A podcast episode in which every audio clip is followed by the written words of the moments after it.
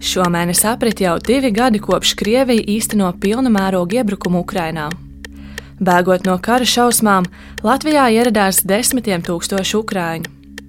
Vieni ilgi neusturējās, jo aizbrauca uz kādu citu valsti vai atgriezās dzimtenē, bet citi nolēma palikt. Labāk mums šobrīd ir šeit, nekā Ukrainā. Kaut arī Latvija Ukraiņas civiliedzīvotājiem sniedz dažādu atbalstu, Lietuvai ir izdevies veiksmīgāk ukrāņus iekļaut izglītības sistēmā un darba tirgū. Es jūtos gan kā ukrainiete, gan arī nedaudz kā lietuviete. Lietuvā ir nodarbināts lielākais vairums no visiem darbspējīgajiem ukrāņiem, bet Latvijā viena trešā daļa. Nu, tu vari iemācīties valodu, bet, ja tev nav darbs, ja tev nav vieta, kurā tu šo valodu lieto, nu, tad visticamāk tas efekts nebūs gaidītais. Cik veiksmīgi valstī ir izdevies mūsu sabiedrībā iekļaut ukrāņus, un vai Latvijā tam ir ilgtermiņa plāns? To atvērto failu pusstundā pētīšu es, Linda Spundiņa. Pirmā daļa - sākuši jaunu dzīvi. Trešām Eiropas parlamenta deputātiem. Esmu atbraukusi uz Jālgavu. Kādā daudzdzīvokļu namā pilsētas centrā dzīvo Ukrāņu ģimene. Labdien! Labdien. Esmu Linda. Lilija. Durvis atver Lilija Gromjaka. Nāciet šeit! Labrīt! Sveiki! Labrīt! Nelielajā dzīvoklī mitinās pieci cilvēki. Lilija, viņas vīrs un trīs bērni. Veca meita 15, 15 gadi, dēls 13 gadi un maza meita 8. Lilija apgūst latviešu valodu, tāpēc mēs sarunājamies gan latviešu, gan krieviski. Es mācos latviešu valodu, B1, no nerunāju так бы, как бы хотелось. Tā kā gribētu. Lilija saka, ka uz kursiem ies tik ilgi, kamēr iemācīsies latviešu valodu. Latvijā ģimene ir jau gadu un astoņus mēnešus. Atbraucu uz Jālgavu, jo šeit dzīvo Lilijas vecmāmiņas māsa. Un pirms tam Jālgavā bijāt? Bijāt um, 2004. gadi. Ceturtajā. Ceturtajā, jā. Pirmajā reize. Pirmā reize. Jā. Otrā reize bija šī. Jā, jā. Ukrainā ģimene dzīvoja valsts rietumos, Dubnau pilsētā, kas atrodas Rivnes apgabalā. Kad viņi ieradās šeit, Lilijas vīrs Ruslans triju nedēļu laikā atrada darbu firmā, kur strādā arī citi ukrāņi. Viņš veic dažādus saimniecības darbus un strādā arī būvniecībā. Tā kā Ruslanam ir daudz darba, tad latviešu valodas kursus viņš neapmeklē. Visu laiku viņš ir darbā, pat jūru nav redzējis. 2022. gada septembrī Lielajā Jēlgavā sāka strādāt atbalsta centrā bērniem ar speciālām vajadzībām. Tomēr pavisam nesen veselības dēļ viņa no darba aizgāja. Pēc izglītības Lilija ir ekonomiste. Ukrainā viņa strādāja par grāmatvedi un vēlāk par auditori. Vaicāju, vai viņa plāno atgriezties profesijā. Ne, negribu grāmatveidā, šo tā būs. Labāk sociālajā jomā. Jā, nu, haķē, es gribētu, gribētu. Bērni mācās vienā no Jālgavas pamatskolām. Vislabāk iejutusies ir jaunākā meita, trešās klases skolniece Alīna. Un kā tev iet skolā? Viegli vai grūti? Nu, viegli. viegli, ja? Visu saproti, ko saka skolotājs? Jā. Skolotājs ar tevi runā latviski? Jā. Un, un krieviski. Un arī krieviski, ja kaut ko nesaproti, ja? Jā. Kas ir tavs mīļākais mācību priekšmets? Matemātika. Alīna šeit ir sadraudzējusies ar kaimiņu bērniem. Un kā jūs runājat, latviešu vai krieviski? Krieviski. Daudz grūtāk sekot līdzi mācībām skolā ir viņas vecākajai māsai. Jāna, Panāc šurp! Labdien! Jana mācās 9. klasē. Šogad viņai priekšā valsts centralizētie eksāmeni. Tiesa, Ukrāņu skolāni ir atbrīvoti no noslēguma eksāmeniem, bet, ja paši vēlas, Pārbaudījumus var kārtot ar vārnīcu palīdzību. Matemātikā uzdevumi ir ukrāņu valodā. Saproti, ko es saku latviešu? Nē, Maz saprotu, она как бы вот текст есть. и Nu, выучивает viņai ir то, что tā, по теме. ka teksts ir, un tur arī uzzina par tematu. Да Она сама как-то в интернете. Viņa сама что-то skatās пишет. Она internetā, как может и не kaut ko понимает, что raksta она pati, сама как-то varbūt viņa интернете nesaprot, сама что-то ko пишет. viņa Она как raksta, может и не bet viņa понимает, что она tulko, пишет, но она un viņa переводит, raksta пишет и un учит, и mācās. вот так. Lilija stāsta, ka meita pēc pamatskolas beigšanas cer iestāties Jālgavas amatu vidusskolā, jo Janai patīk māksla. Tāpēc meitenei ir nolīgta arī privāta skolotāja.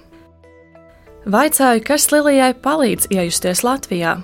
У нас семинаров очень много. Mums ir ļoti проводят daudz для semināru Украины, Ukraiņas pilsoņiem.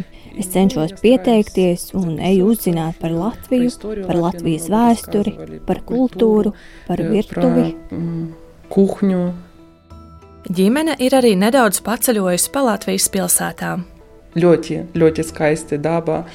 Viņa apmeklē lūkšanu namu, bet bērni iet svētdienas skolā ģimene ir apmierināta ar dzīvi Latvijā.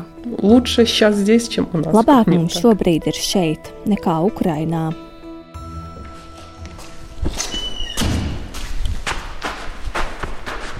Kopš dienas, kad Krievija sāka pilna mēroga iebrukumu Ukrajinā, mūsu valstī ieradās vairāk nekā 60 tūkstoši ukrāņu. Gandrīz pusi no viņiem aizceļoja tālāk uz citu valsti, vai arī atgriezās dzimtenē. Pat labi Latvijā dzīvo vairāk nekā 32 tūkstoši ukrāņu. Pēdējo pāris gadu laikā Ukrāņi ir varējuši meklēt palīdzību Rīgas atbalsta centrā, kas tagad ir atvērts Juklā. Tur satiekos ar Lindu Jākapsoni Gavalu. Labdien! Sveicināti! Viņa ir nevalstiskās organizācijas Gribu palīdzēt bēgļiem valdes locekle. Šeit ir mūsu informācijas centrs. Mīlā informācijas centra vadītājs. Mēs tiešām no pirmās dienas esam. Rastī pašā pirmajā dienā, un tur bija drausmīgs haoss tajā visā martā aizpagājušajā gadā. Organizācija koordinē humanās palīdzības sniegšanu Ukrainas civiliedzīvotājiem. Jūs esat redzējuši to palīdzību, kur var Jā, ir sniegt? 145 punkti pa visu Latviju. Jākapsoni Gavala jau kopš paša sākuma centās risināt Ukrāņu vajadzības. Visiem vajadzēja visu, un neviens neko nesaprata. Tad tā ir lielākā daļa cilvēku, tomēr ir iedzīvojušies. Arī Kā šo divu gadu laikā sniegtais atbalsts Ukrāņiem ir palīdzējis iekļauties Latvijā. Pirmais, kad cilvēki ieradās, viņiem vajadzēja mājokli, viņiem vajadzēja apģērbu, viņiem vajadzēja apavus, viņiem vajadzēja pārtiku. Tas bija pavisam tās pirmās lietas. Neviens tajā brīdī nedomāja par nodarbinātību, par latviešu valodas kursiem, par kultūra orientāciju, par to, kā bērniem ā, vislabāk iekārtoties skolā un kurā skolā. Nu, tie visi jautājumi, protams, parādījās krietni vēlāk. Viņa stāsta, ka šobrīd būtu jādomā, kā Ukrāņus iekļaut Latvijas sabiedrībā ilgtermiņā, jo viens ir skaidrs. Kaut arī karš Ukrainā var drīz beigties, valsts atjaunošana prasīs ilgu laiku. Mums ir arī skaidrs, ka daļa cilvēku paliks ilgāku laiku Latvijā. Un daļa cilvēku jau šeit ir, ja tā var teikt, uzsākuši savu jaunu dzīvi. Lai veiksmīgi iekļautos Latvijā, pirmkārt Ukrāņiem ir jāapgūst latviešu valoda. Mums, lai paliktu šeit kaut kādu laiku, vieglāk ir, ja mēs saprotamies vienā valodā. Mēs kaut vai veikalā ieejot, varam izlasīt, kas ir kas. Un, protams, no darba tirgus viedokļa, nu, latviešu valodai ir izšķiroša nozīme ļoti daudzās darba vietās. Bezmaksas latviešu valodas kursi, viņi notiek. Ukraiņas civiliedzīvotājiem ir iespēja viņos piedalīties. Tas, par ko mēs sakām, ir, ka viņiem nedrīkst būt pārtraukumi. Nu, šobrīd, piemēram, ir pārtraukums no oktobra līdz mēs nezinām, kad sāksies jaunie kursi martā vai vēl vēlāk. Nu, tā notikt nedrīkst. Arī Ukrāņu bērniem nav iespēja apmeklēt atsevišķus latviešu valodas kursus. Viņiem valoda jāiemācās skolā. Mēs joprojām esam tajā viedoklī, ka bērni var mācīties vai nu Latvijas mācību iestādē, vai attālināti turpināt mācības Ukrajinā. Bet eh, tas, ko mēs sakām, ir, ka Ukraiņas bērniem skola Latvijā ir vairāk nekā mācības, un varētu būt vairāk nekā mācības. Tas ir arī socializācijas jautājums. Tie ir jauni draugi, tā ir palīdzība klātienē, tas ir eh, pedagoģiskais personāls, vai tas ir logopēds, vai tas ir skolas psihologs. Tāpat līdz 4. klasē mūsu valsts nodrošina bezmaksas ēdināšanu bērniem skolā, kas arī ir ļoti svarīgi mūsuprāt. Latvija ir vienīgā no visām trim Baltijas valstīm, kas pieļauj, ka ukrāņu bērni var arī neiet mūsu skolās. Igaunijā skolas vecuma bērniem ar ārvalstu pilsonību ir obligāti jāapmeklē vietējās izglītības iestādes. Līdzīgi ir arī Lietuvā. Tur ir papildu noteikts, ka nesen atbraukušie ukrāņi var vienu gadu mācīties attālināti Ukraiņas skolās. Otrā daļa. Es jūtos kā ukrainiete un nedaudz arī kā lietuviete.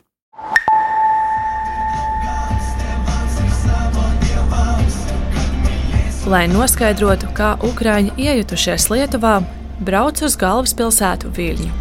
11 valandu 28 minūtes. Mūsu... Tur man ir sarunāta intervija ar kādu ģimeni no Ukrainas.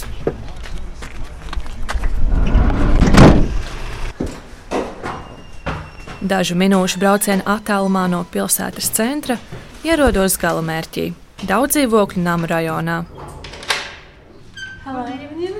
Sveicināti! Es nekļūdos, jūs esat Viktorija. Jā, sveicināti! Šī ir mana māte Rīma. Ienāku Viktorijas Romanovskas mājās. Viņa mani iepazīstina ar savu māti Rimu, kura atbrauca ciemos no Klaipēdas. Rīma sasveicinās un uzreiz atgriežas virtuvē, kur gatavo ukrāņu tradicionālo ēdienu vareņikus. Iepazīstos arī ar Viktorijas vīru Maksimu. Šis ir mūsu dēls Aleksējs. Aleksējam ir 19 gadu. Turpat apkārt skraida ģimenes jaunākās atvases, piecgadīgā Margarita un nepilnus trīs gadus vecā Marijana. Ģimene uz Lietuvu atbrauc no Zaporīžas apgabala 2022. gada aprīļa vidū. Vēlāk augustā no Ukrainas pārcēlās vecmāmiņa Rima un novembrī ieradās Aleksais. Man bija skola un vajadzēja pieteikties universitātei Zaporežijā, un tikai pēc tam es ierados šeit. Šobrīd Aleksais turpina studijas attālināti. Viktorija stāsta, ka Lietuvu par galamērķi ieteica kāds ģimenes draugs. Because, uh, husband, uh, Tāpēc, ka mans vīrs neprot labi angļu valodu un citas valodas, un šī valsts ir ļoti laba priekš imigrācijas. Country for immigration. Because, uh, Mans vīrs bija vienīgais, kurš varēja strādāt. Mums bija ļoti mazi bērni. Kad manam bērnam palika divi gadi, viņa sāka iet bērnu dārzā, un es arī varēju strādāt. Viktorija ir ekonomiste. Ukrainā nozarē strādāju vairāk nekā desmit gadus. Viņa priecājas, ka pēc bērnu kopšanas atvaļinājuma arī Lietuvā varēja atgriezties profesijā. Pieteikties darbā viņai palīdzēja paziņa no nevalstiskās organizācijas. Es mācījos lietuviešu valodu A2 līmenī. Viktorija strādā klientiem, kuri runā ukrāņu un krievu valodā. Lietuviešu valodu sarunu valodas līmenī viņa sāka apgūt divu mēnešu bezmaksas kursos, un viņa grib turpināt to mācīties. Savukārt viņas vīrs Maksims iepriekš ilgu laiku nostrādāja policijā. Был военным, bija militāra persona, piedalījās kaujās 2014. gadā Doņetskas Luhanskas reģionā, strādāja speciālā vienībā. Tur Maksims guva kāju traumu. Granātas sprādzienā. Tāpēc viņš no policijas aizgāja. Līdz Krievijas pilna mēroga iebrukumam Ukrainā Maksims apsargāja lauksaimniecības uzņēmumu. Šobrīd Lietuvā viņš strādā logu ražošanas uzņēmumā, un darbs viņam patīk. Vaicāju Maksimam, kā viņam izdodas sarunāties ar lietuviešu kolēģiem. Es saprotu, ko viņi saka, tāpēc, ka darbā ir daudz krievalodīgo, un es pat vairāk komunicēju krieviski. Ir lietuvieši, kas runā lietuviski. Nu, droši vien viņu ir vēl mazāk nekā to, kas runā krieviski. Lietuvā, tāpat kā Latvijā, daudzi cilvēki pārvalda krievu valodu. Tomēr Lietuvā krieviski runājošo īpatsvars ir nesalīdzināmi mazāks nekā Latvijā. Arī Maksims, tāpat kā sieva Viktorija, mācījās lietuviešu valodu. Es gāju, bet es tagad esmu sācis mācīties C kategorijas tiesībām smagajai mašīnai pabeigšu šos kursus, tad domāšu par citiem. Tas prasa daudz laika. Maksims stāsta, ka Lietuva joprojām atbalsta ģimeni, tostarp finansiāli. Autiņbiksītes, ziepes un ūdens - tas vienmēr tika dots. Lielas paldies! Un ir bērnu ratiņi, vasaras un ziemas drēbes. Cilvēki, ļoti daudz cilvēku palīdz. Es jautāju Viktorijai un viņas dēlam Aleksejam, Kā viņa jūtas Lietuvā? Es jūtos gan kā ukrainiete, gan arī nedaudz kā lietuviete, tāpēc, ka cilvēki šeit dzīvo draudzīgā kopienā, kas man ļoti palīdz. Es šeit jūtos labi un šobrīd meklēju darbu. Arī es kursos mācījos lietuviešu valodu. Tagad es zinu nedaudz šo valodu un domāju, ka varu meklēt darbu, vismaz kā mans tēvs kādā rūpnīcā. Aleksis grib iemācīties lietuviešu valodu augstākā līmenī, lai var dabūt labāku darbu. Protams, es šeit palikšu, un es ceru vēlāk iegūt Lietuvas pilsonību. Mēs esam šeit integrējušies veiksmīgi, pilnīgi. Esam kļuvuši par tādiem pašiem iedzīvotājiem, kā ik viens šeit. Ģimene neplāno atgriezties Ukrajinā. Мы не знаем, чем это закончится. Конечно, мы хотим победы. Mēs nezinām, kā tas beigsies. Protams, mēs vēlamies, lai Ukraina uzvarētu, un mēs vēlamies atgriezties savās mājās, apraudzīt savus tuviniekus un redzēt savus draugus, bet mēs nezinām, kad tas būs un vai tas būs. Kā mēs saprotam, militāra iebrukuma draudi no Krievijas puses būs vienmēr. От России будет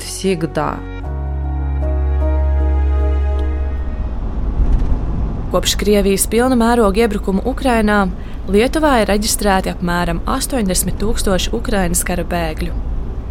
No viņiem vairāk nekā puse uzturas valstī ar pagaidu aizsardzību, bet vēl gandrīz 8000 ir aizbraukuši. Šādu informāciju sniedz Lietuvas sociālās drošības un darba ministrija. Lai vairāk uzzinātu par to, kā Lietuvai veicies ar Ukrāņu iekļaušanu, Viļņā dodos uz nevalstisko organizāciju, kas pēta šos jautājumus. Hello! Nice I'm, to meet you. I'm Linda. Yeah. Prieks jūs satikt. Mēs esam tur. Mani sagaida Līna Blažīte. Viņa ir organizācijas Diversity Development Group, jeb daudzveidības attīstības grupas, sociālās integrācijas departamenta direktore.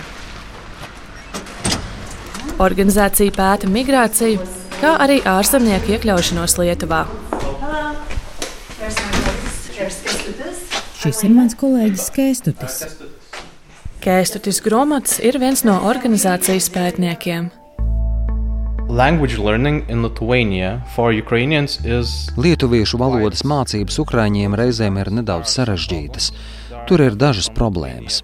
Lietuva mēģina palīdzēt, cik vien ir iespējams, bet dažas lietas ir uzlabojamas. Viņš ir padziļināti analizējis to, kā Ukrāņi apmeklē lietuviešu valodas kursus. 2023. gadā tikai 2,8 tūkstoši ukrāņu bija reģistrējušies bezmaksas valodas kursiem Lietuvā.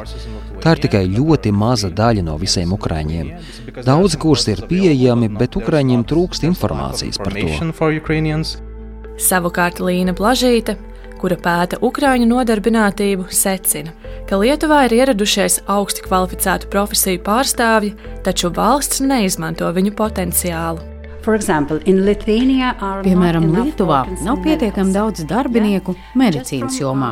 Kopš 2022. gada no Ukrainas Lietuvā ir ieradušies vairāk nekā 2000 ārstu. Balstoties 2023. gada ekonomikas un inovācijas ministrijas datos, tikai 10% no ārstiem ir pārkvalificējušies un tikai puse no viņiem ir saņēmuši licenci strādāšanai mūsu valstī. Līdzīga situācija ir arī ar medmāsām. Uh, ir arī apmēram 5000 izglītības un zinātnes speciālistu, kas ieradās Lietuvā, bet tikai 376 ir pārkvalificējušies un strādā šajā jomā. Kur tad šie ārsti, medmāsas un skolotāji strādā? Mēs saprotam, ka tie ir lielveikali, apkalpojošā joma, tīrīšanas kompānijas un piegādes. Pēc viņas pētījuma datiem viena niecīga daļa ukrāņu stāsta, ka strādā savā profesijā. Blažīt uzskata, ka Lietuva imigrantus neuztver kā nozīmīgu iespēju valsts ekonomikai. Arī darba devēji nav gatavi nodarbināt augsti kvalificētus ārzemniekus. Kaut arī organizācija ir identificējusi vairākas problēmas, viņa stāsta, ka kopumā lietuvieši ļoti atbalsta ukrāņus. Arī iedzīvotāju uzskati par viņiem mainās pozitīvā virzienā. First, uh, no paša sākuma valsts Ukraiņiem piedāvāja praktiski visas sociālās palīdzības iespējas, kādas ir lietuviešiem. Arī nevalstiskās organizācijas tika aktīvi iesaistītas sociālās palīdzības nodrošinājumā, integrācijas procesā. Daļai ukrāņu tas ļauj veiksmīgi integrēties Lietuvā. Lielu skaitu kara bēgļu no Ukrainas ir uzņēmusi arī Igaunija. Kopš kara sākuma tajā ieradās vairāk nekā 50 tūkstoši ukrāņu, tomēr ne visi palika valstī. Krietni lielākā daļa no viņiem pagājušā gada beigās bija reģistrējušies par pastāvīgiem iedzīvotājiem. To, kā Igaunija ir veicies ar ukrāņu integrēšanu, šā raidījuma tapšanas laikā es nepagūlu padziļināt izpētīt. Trešā daļa - nebūs gaidītais efekts. Latvijā par integrācijas politiku atbildīga ir kultūras ministrija. Tur esmu sarunājusi interviju ar Jelenu Šaicāni. Viņa ir sabiedrības integrācijas departamenta direktore. Jelenai Šaicānai vaicāju, vai valstī ir ilgtermiņa plāns, kā iekļaut ukrāņus. Raugoties ilgtermiņā, neapšaubāmi ka par to ir jādomā un jādiskutē. Bet, diemžēl, turpat labam ir ļoti daudz ir zināmas lietas un ir daudz nezināmie faktori. Viņa stāsta, ka plāns ir tikai līdz gada beigām, jo neviens nezina, kad karš beigsies, kāds būs Ukrāņu juridiskais status un cik daudz no viņiem neplāno atgriezties dzimtenē. Latviešu valodas mācību process turpinās un turpināsies, jo jāņem vērā arī tas faktors, ka, piemēram, 22. gadā motivācija mācīties latviešu valodu bija salīdzinot ar pagājušo gadu, tomēr zemāka, kas ir saprotams, cilvēki bija tikko ieradušies. Par šogad atvēlēto naudu valodu varētu mācīties vairāk nekā 6000 ukrāņu. Tas ir tikpat daudz, cik pērn. Pirms diviem gadiem valodas kursus apmeklēja uz pusi mazāk ukrāņu. Šaicāne atzīst, ka kursiem ir pārāvumi, jo tas ir saistīts ar finansējumu apstiprināšanu un pakalpojumu iepirkumu procesu, no kā izvairīties nevarot. Jautāju, vai šos kursus plāno piedāvāt arī bērniem?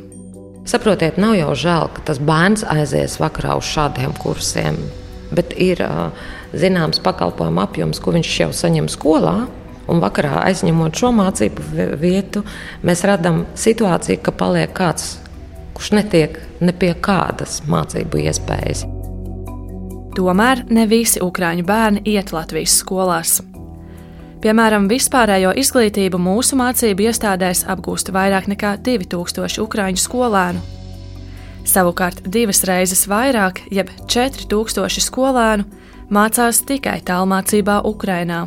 Tā liecina Izglītības un zinātnes ministrijas pagājušās vasaras aptaujas dati.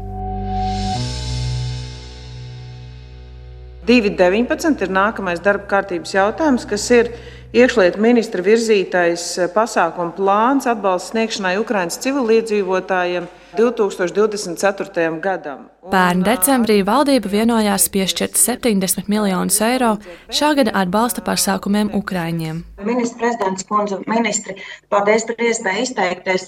Linda Jākapsona Gavala, kuru pieminēja raidījumu sākumā, ministriem norādīja uz riskiem gadījumos, ja Ukraiņu bērni neapmeklē Latvijas skolas. Mums nav plāni kā valstī īpaši mudināt vai veicināt Ukraiņas bērnus iekļauties Latvijas mācību sistēmā. Viņa aicināja ņemt piemēru no Lietuvas, kur Ukrāņiem ir pienākums apmeklēt valsts mācību iestādes. Labdien. Lai par to jautātu, uzrunāja intervijā Izglītības un zinātnes ministrijas valsts sekretāra vietniece Kristīne Niedri Latheri. Šobrīd likumdošana tātad viņiem spēlē par labu izvēlēties šo tālmācības procesu, bet sakārtojot normatīvus, mēs aicināsim tomēr ieslēgties un pievienoties mūsu izglītības sistēmai. Būs kā obligāta prasība vai aicinājums? Šobrīd tas jau būs droši vien arī politisks lēmums, kur, protams, vēl ir nepieciešamas diskusijas, bet šīs diskusijas ir aizsākušās un līdz ar to nu, tad attiecīgi skatīsimies, pie kāda rezultāta tas novedīs. Palīgs strādnieks, apkopējs, ceha strādnieks. Tās šobrīd ir populārākās profesijas, kurās tagad kopumā strādā 8,5 tūkstoši Latvijā nodarbināto ukrāņu. Vēl vairāki simti ukrāņu ir reģistrējušies kā saimnieciskās darbības veicēji un pārsvarā sniedz skaistumkopšanas vai kurjera pakalpojumus. Tomēr kas ir tas darbinieku un speciālistu potenciāls, ko Latvija varētu izmantot no Ukrāņu bēgļu pienesuma, nevaru noskaidrot. Jo mūsu iestādes, atšķirībā no Lietuvas, neievāc un neapkopo informāciju par ukrāņu profesijām. Tas parāda sistēmiskās atšķirības starp valstīm. Tā stāsta Sabiedrības integrācijas fonda sekretariāta direktore Zaiga Pūce. Tad, kad sākās karš, tad Lietuva piegāja caur šo nodarbinātības prizmu, un tāpēc viņi sāka ļoti ātri apkopot jau visus tos datus par to, kādas ir šīs profesijas, prasmes, kompetences un, un sekot līdzi arī cilvēkiem. Mūsu pirmais fokus bija uz uh, mājokļa atrašanu un šo cilvēku nu, sociālās puses nodrošināšanu, un mums šādi dati netika vākti. Lietuvas darba tirgu ir vairāk nodarbinātu ukrāņu nekā tas ir Latvijā. Nu, piemēram, Lietuvā, Igaunijā tas ir ap 70%, nu, pie mums tas ir ap 35%. Lietuvā nu, no nodarbinātajiem ir 18,000 no 25, Igaunijā 27 no 38 tūkstošiem, un mums ir 8,5 no 24 tūkstošiem. Lai veiksmīgi integrētos, ar valodas prasmi vien nepietiek. Nu, tu vari iemācīties valodu, bet, ja tev nav darbs, ja tev nav vieta, kurā tu šo valodu lieto, nu, tad uh, visticamāk tas efekts nebūs gaidītais. Zaiga Pūce arī atgādina, ka ir svarīgi ikdienā mums sarunāties latviešu, jo tas palīdzēs līdz cilvēkiem, piemēram, no Ukrainas, ātrāk iemācīties valodu. Es varu droši teikt, ka mēs neesam pārāk atvērti. Jo Ukrāņiem arī mēs esam dzirdējuši atsauksmes par to, ka cilvēks, piemēram, iet mācās latviešu valodu kursos, bet vienlaikus viņš eh, atrodas salīdzinoši uh, krieviskā vidē, un viņam nav kur šo valodu lietot. Mēs jau varam pārmest, ka viņi nav iemācījušies to valodu, bet jautājums ir no mūsu paša aspekta, vai mēs esam piedāvājuši pietiekami daudz vietas, kur šo valodu ikdienā izmantot pēc iespējas ātrāk apgūt latviešu valodu, lai atgrieztos darba tirgū, cer arī ukrainiete Lilija no Jālgavas, kuru dzirdējāt raidījuma sākumā. Es Lilijai vaicāju, vai viņa plāno šeit palikt. Сюда уже приехали, дети в школу пошли. Šeit atbraucām, bērni skolā sāka iet, sāka mācīties latviešu valodu, un negribam to pārtraukt. Uz citu valsti nē, nebrauksim. Pagaidām Latvijā, varbūt kādreiz uz Ukrainu. Raidījumu veidoja Līna Spundiņa, Ģedards Čelzis un Nora Mitspapa. Atvērtie faili!